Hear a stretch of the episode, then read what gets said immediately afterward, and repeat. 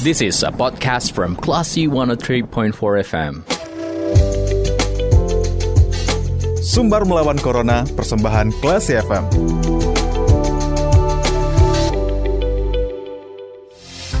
empat Classy FM, this is the actual radio. Selamat sore Classy People.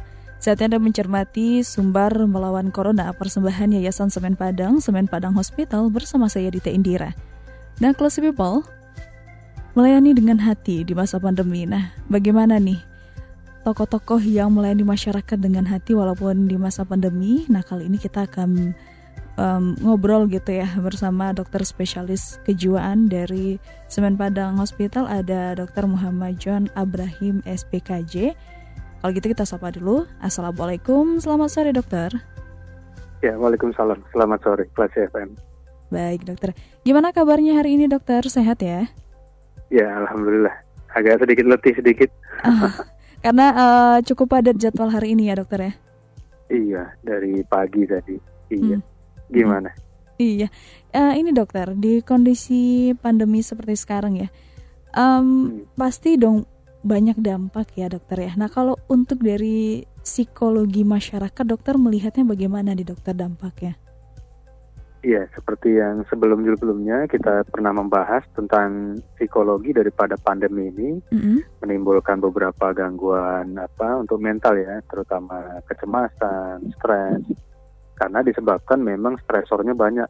Yang tadinya kita takut corona udah sambung menyambung hmm Ekonomi apa menurun, kemudian pendapatan perusahaan menurun, kemudian performa perusahaan yang menurun, apalagi customer yang memang tidak ada customer baru yang memang apa eh, bisa diolah untuk perusahaan tersebut sehingga sekarang stresornya bertambah dengan adanya masalah sosial, masalah ekonomi, kemudian juga masalah rumah tangga akhirnya begitu kompleks yang apa yang dikenai oleh masyarakat dan juga para pemilik usaha seperti itu.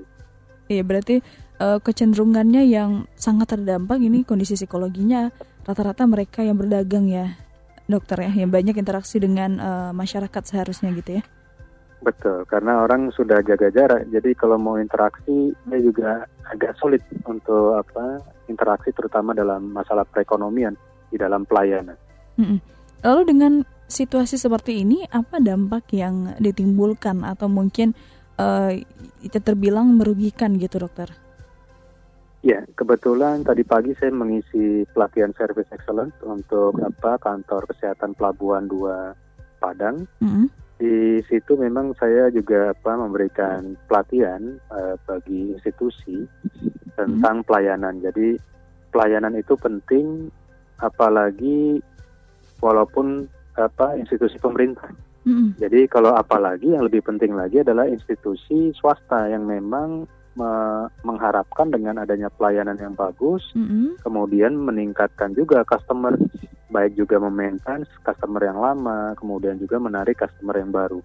Nah sekarang dengan adanya corona ini, interaksi berkurang, kemudian pendapatan perusahaan juga berkurang, itu mengurang apa menurunkan tingkat motivasi daripada employee atau pekerjanya maupun juga bosnya di dalam melaksanakan pelayanan yang prima.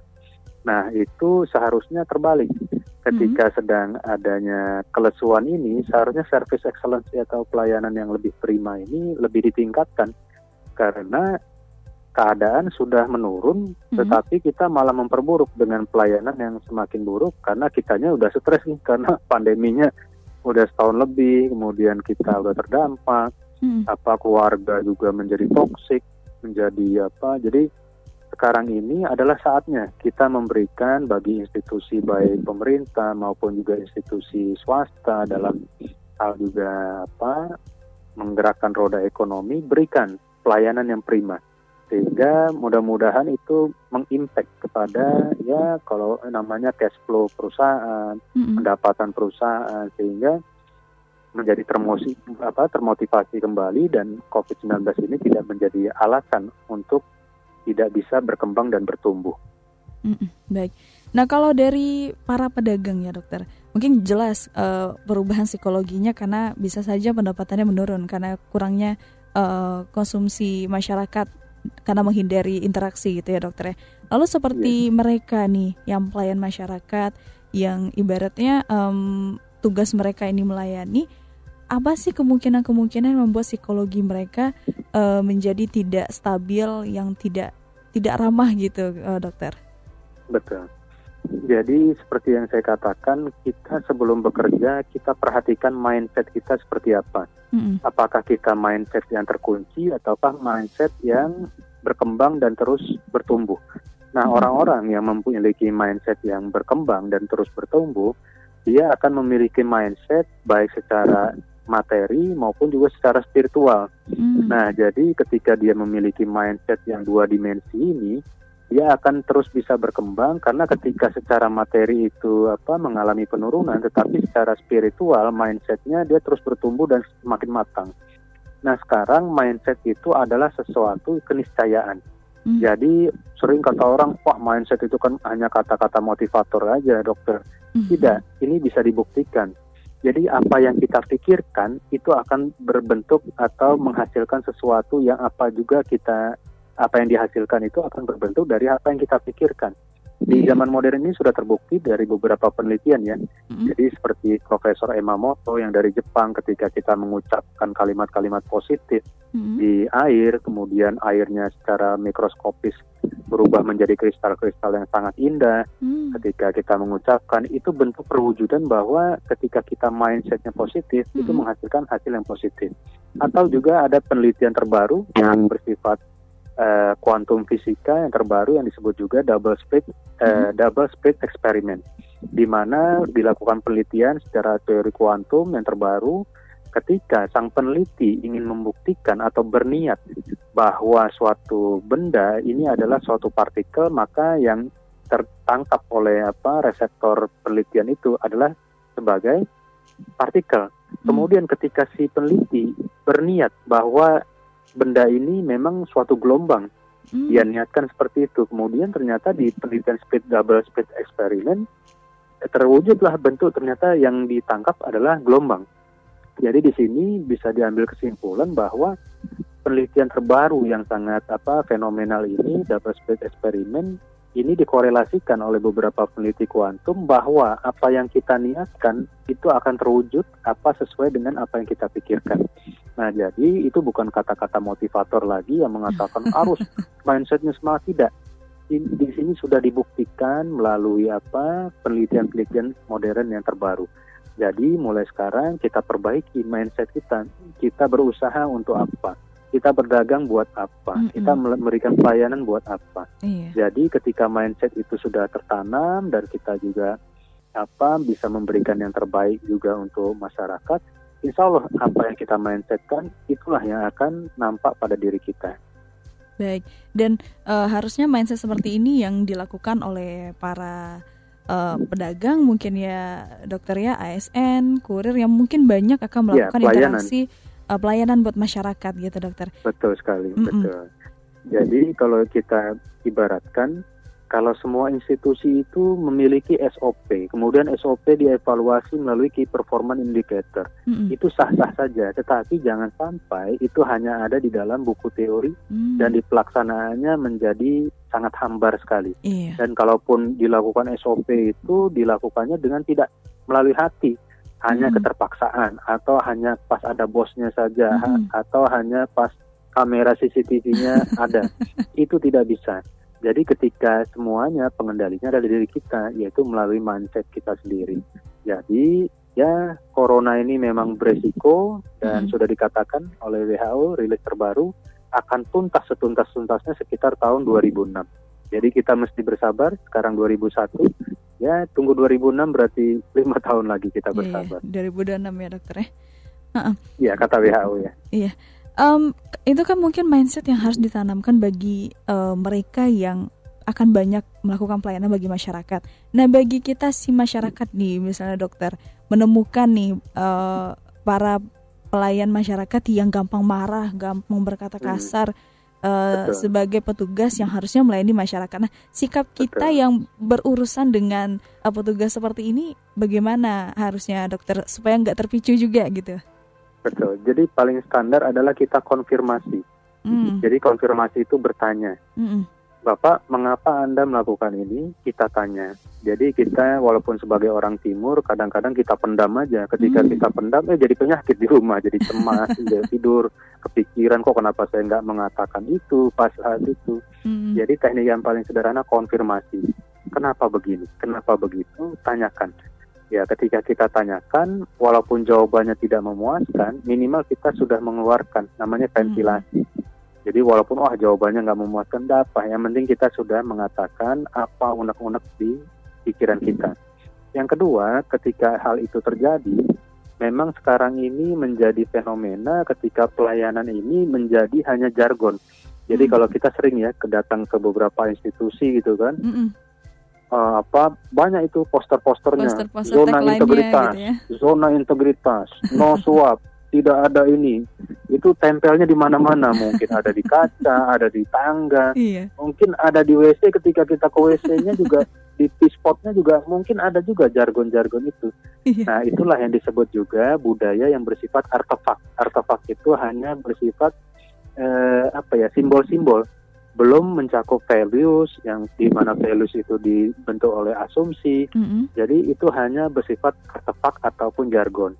Nah sekarang bagaimana artefak itu diwajahwantahkan melalui values-values atau nilai-nilai mm -hmm. yang memang tertanam dan tidak hanya sebagai jargon saja. No suap, wah tidak ada pungli, tidak ada integritas apa harus zona integritas itu harus kita bangun dengan namanya eh, apa namanya values iya. sehingga itu menjadi menjiwa sehingga juga masyarakat juga merasa terlayani. Mm -mm. Baik, nah terakhir nih dokter di kondisi pandemi kita semua pada tertekan ya dengan perubahan situasi yang mungkin tidak sesuai dengan ekspektasi kita juga. Nah lalu bagaimana nih kita baik itu masyarakat biasa ataupun mereka yang merupakan uh, petugas pelayanan masyarakat ini memanage emosi agar tidak gampang Betul. marah, stres dan juga sedih Betul. nih dokter. Ya, tadi saya melatih juga service excellence untuk apa eh, apa eh, apa bidang kesehatan pelabuhan dua Kota Padang, mm -hmm. apa Padang. Di situ ada yang bertanya, "Dok, itu saya bisa apa melayani orang 100 orang kemudian dalam berturut-turut itu kadang-kadang ada yang komplain, ada yang bagaimana, itu meletihkan saya sekali apalagi split waktunya itu sekitar dua menitan tuh ada lagi yang hal yang apa orang yang apa mm -hmm. ya di dalam pelayanan yeah. itu bagaimana saya memanage nya kadang-kadang sehari saya bisa ratusan dok untuk orang apa melayani seperti itu yeah. nah kemudian kita kasih trik-trik sederhana trik sederhana yang paling pertama adalah bagaimana kita mengusahakan di otak kita tidak terlalu tegang atau kita usahakan menjadi gelombang alfa sehingga tidak terlalu tegang di gelombang beta Caranya bagaimana? Cara paling sederhana, inhale, exhale. Tarik nafas yang dalam melalui hmm. hidung dan perlahan-lahan buang melalui mulut. Itu diulang-ulang. Ketika itu dilakukan, kita akan menemukan bahwa ketegangan itu akan berkurang. Itu secara uh, praktisnya. Yang kedua, itu juga bisa kita apa coba ya namanya handling komplain yang pas. Handling komplain yang pas itu juga sudah saya ajarkan di sana dan handling handling komplain ini juga memakai teknik-teknik dan juga apa eh, hal-hal e, yang memang berbau teknis tapi mm -hmm. efektif dan efisien. Dan yang ketiga itu ketika kita mengalami letih ketika dari apa bertugas, mm -hmm. ketika pulang kita pastikan bahwa di rumah kita tidak mengalami toxic relationship. Jadi jangan sampai ketika di tempat kerja kita sudah begitu letihnya, di rumah yang seharusnya kita bisa melarikan diri dari segala permasalahan, mm-hmm. ternyata sumber masalah juga. Jadi ibaratnya berpindah dari neraka satu ke neraka dua, jadi cabang nerakanya. Nah ketika itu terjadi, besoknya kita lebih tidak termotivasi lagi. Mm-hmm. Maka kita pastikan di rumah kita tidak terjadi toxic relationship, sehingga kita bisa rileks, kita bisa mencurahkan isi hati kita, dan kita bisa fresh lagi ketika mau bertempur di pagi hari di tempat dinas yang sama juga, sehingga kita tidak terlalu lelah. Nah sekarang ya udah sikapi dengan cara-cara yang efektif, mm-hmm. cara-cara yang praktis, sehingga ketegangan itu bisa kita rilis. Baik. Nah, untuk uh, yang terakhir nih, dokter tadi ada bilang uh, pastikan agar tidak toxic uh, relationship di rumah. Berarti ini sebenarnya kita sendiri yang menciptakan ya, dokter ya? Betul. Kita yang menciptakan suasana yang kita inginkan dan diskusi ya sepertinya ya dokter ya yang paling penting banget ya. Ya boleh nanti kalau ada waktu lagi kita bahas iya. bagaimana menyikapi toxic relationship selama hmm. pandemi. Iya, ini uh, akan menjadi topik menarik juga yang mungkin ditunggu juga oleh kelas people nih kelas uh, dokter. Boleh boleh. Baik. Nah Um, dokter, uh, terakhir mungkin semacam konklusi ya dari obrolan kita di sore hari ini, uh, dokter apa yang perlu kita perhatikan supaya um, kita dapat menjaga emosi kita di masa pandemi ini? Silahkan dokter. Betul, terutama kepada penyedia jasa, institusi baik pemerintah maupun swasta, kita mengalami memang turbulensi dan semua juga mengalami adanya disrupsi perubahan yang sangat ekstrim disebabkan oleh corona ini dan ketika perubahan itu adalah sesuatu yang pasti, diri kita pun juga harus berubah. Mm-hmm. Karena perubahan ini sudah pasti dan kalau kita tidak siap untuk menyikapi perubahan ini, kita akan tertelan ataupun kita juga tertekan. Mm-hmm. Nah, sekarang sikapi saja bahwa kita sudah terima sepenuh hati bahwa memang ini kenyataan terjadinya pandemi corona dan kita menyikapinya dengan lebih dewasa lagi. Nah, ketika lebih dewasa, caranya bagaimana? Yaitu menuntut ilmu. Menuntut ilmunya bagaimana? Sekarang banyak kok yang bisa kita ambil dari yang gratisan, dari hmm. YouTube, dari apa, dari beberapa podcast, itu bisa kita pelajari. Jadi di situ kita terus menggali ilmu, apa mengupdate ilmu-ilmu terbaru, sehingga ketika kita menyikapi distru, apa, disrupsi zaman pandemi COVID-19 ini, hmm. kita menjadi orang yang semakin matang Nanti kalau ketika 2026 apa COVID-nya sudah reda, ternyata muncullah kita sebagai rise up from the crowd. Nah, seperti itu ya. Jadi mm-hmm. kita menjadi yang unggul mm-hmm. di antara kerumunan. Nah, di situ kita ya udah selama Covid ini berarti saatnya kita untuk menggali ilmu sebanyak-banyaknya mm-hmm. agar kita ketika Covid ini selesai kita bisa menjadi orang-orang yang pemenang. Iya, apalagi di kondisi pandemi ini dituntut itu adalah orang yang kreatif ya, dan tentu harus meningkatkan skill Betul, untuk itu ya. Inovasi, dokter, inovasi iya. yang banyak. Iya, baik terima kasih dokter sudah uh, berbagi bersama kita di sore hari ini dokter. Oke, okay. ya sama-sama. Baik, selamat melanjutkan aktivitas dan selamat kembali bertugas dokter. Iya, terima kasih. Assalamualaikum. Waalaikumsalam. Baiklah Paul. Itu pembahasan kita bersama dengan dokter spesialis kejiwaan dari Semen Padang Hospital ada Dr. Muhammad John Abrahim SPKJ tentang melayani dengan hati walaupun di masa pandemi ya. Kalau gitu saya Ditendira, kita ke program selanjutnya. Sumbar melawan Corona, persembahan Klasi FM.